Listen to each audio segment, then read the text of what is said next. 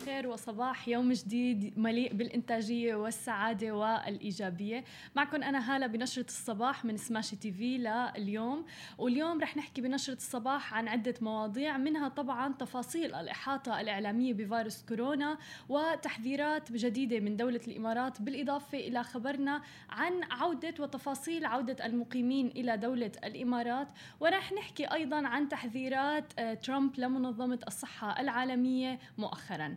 أول خبر معنا لليوم عن تفاصيل الإحاطة الإعلامية لفيروس كورونا ومستجداته في دولة الإمارات حيث أعلنت دولة الإمارات مساء يوم الاثنين عن 832 حالة إصابة جديدة بفيروس كورونا وأربع حالات وفاة جديدة. وأما عن حالات الشفاء فوصلت ل 1065 حالة شفاء جديدة في الدولة. وصرحت أيضا عن إجراءات احترازية جديدة سيتم تطبيقها بدءا من يوم الأربعاء وأيضا خلال فترة عيد الفطر. كل هذا في إطار مساعيها لوقف انتشار فيروس كورونا المستجد. وتقرر أيضا تعديل مواعيد برنامج التعقيم الوطني في دولة الإمارات ليصبح من الساعة الثامنة مساء وحتى الساعة السادسة صباحا من اليوم التالي اعتبارا من مساء يوم الأربعاء 27 رمضان وحتى إشعار آخر. مثل ما بنعرف كانت برنامج التعقيم من الساعة العاشرة مساء ولكن الآن رح يبدأ من الساعة الثامنة مساء. طبعا مع استمرار منافذ بيع المواد الغذائية والصيدليات بالعمل على مدار 24 ساعة وطوال أيام الأسبوع خلال فترة برنامج التعقيم. أما إذا بدكم تعرفوا عن مراكز التجارية والمولات فاعتبارا من 27 رمضان رح تفتح من الساعة التاسعة صباحا وحتى الساعة السابعة مساء.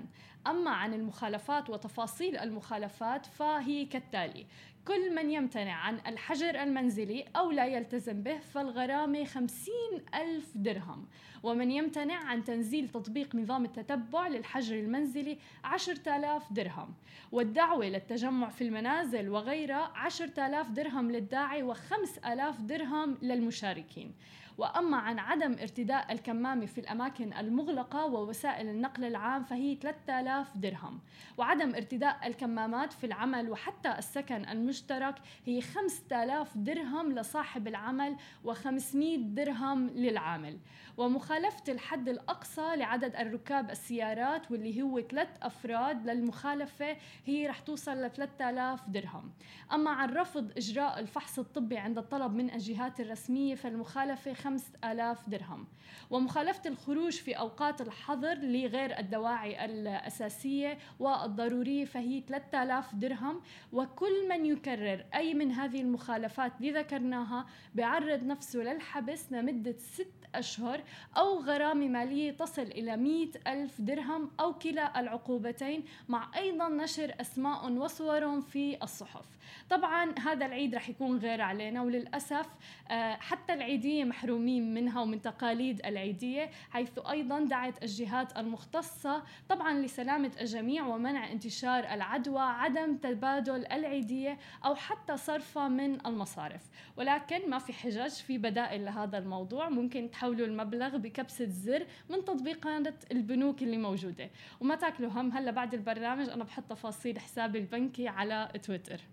المهم خلونا ننتقل لخبرنا الآخر اللي هو كمان خبر صار سمعناه يوم أمس من دولة الإمارات وفعلا طال انتظاره والعديد من الأشخاص كانوا عم بيتساءلوا عن هذا الموضوع وهو أنه أخيرا الإمارات الآن ترحب بعودة المقيمين للدولة في 1 يونيو.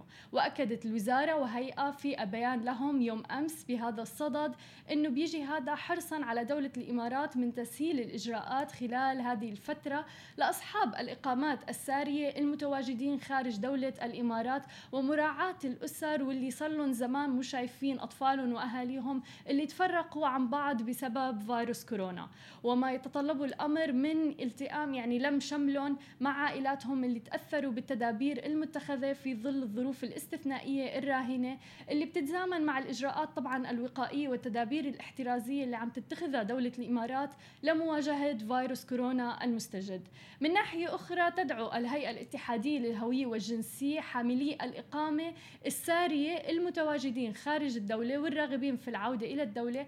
التسجيل في خدمة تصريح دخول المقيمين على موقع الهيئة smartservices.ica.gov.ae اللي بتهدف إلى تسهيل عودتهم إلى الإمارات بأمان وسلام. فبالتالي أي شخص عنده إقامة سارية وجواز ساري المفعول آه، خارج دولة الإمارات وحابب أن يعود إلى آه، دولة الإمارات فكل ما عليه الدخول إلى هذا الموقع التسجيل فيه ومن 1 يونيو يمكنهم دخول دولة الإمارات آه، بكل أمان وسلامة. أما عن خبرنا الأخير اليوم فهو عن مستجدات ترامب ومنظمة الصحة العالمية والجدال اللي عم يحصل مؤخرا بينهم حيث أعطى مؤخرا الرئيس الأمريكي دونالد ترامب منظمة الصحة العالمية مهلة 30 يوم لإجراء إصلاحات جوهرية وإلا سيجمد التمويل لها وينظر أيضا في تعليق عضوية الولايات المتحدة الأمريكية في منظمة الصحة العالمية. وأوضح ترامب أيضا في رسالة وجهها إلى منظمة الصحة العالمية أن المنظمة تجاهلت تقارير عن انتشار فيروس كورونا المستجد في ووهان في ديسمبر 2019 وأضاف أيضا أن منظمة الصحة العالمية نشرت معلومات مضللة برأيه عن فيروس كورونا خاصة أنه لا ينتقل بين البشر. وأكد الرئيس الأمريكي أن منظمة الصحة العالمية فشلت أيضا في دعوة الصين علانية لفتح تحقيق مستقل بشأن مصدر فيروس كورونا المستجد. ومنذ أسابيع أيضا اتهم الرئيس الأمريكي المنظمة الدولية بعدم إصدار تحذير مبكر بما فيه الكفاية بشأن فيروس كورونا الفتاك وبالانقياد بصورة عمياء خلف الصين التي تنفي الاتهامات الأمريكية لها بالتستر على مدى آه، يعني انتشار الوباء في حين ظهر في مدينة ووهان انتشر بشكل كتير كبير بأسابيع قليلة في العام الماضي.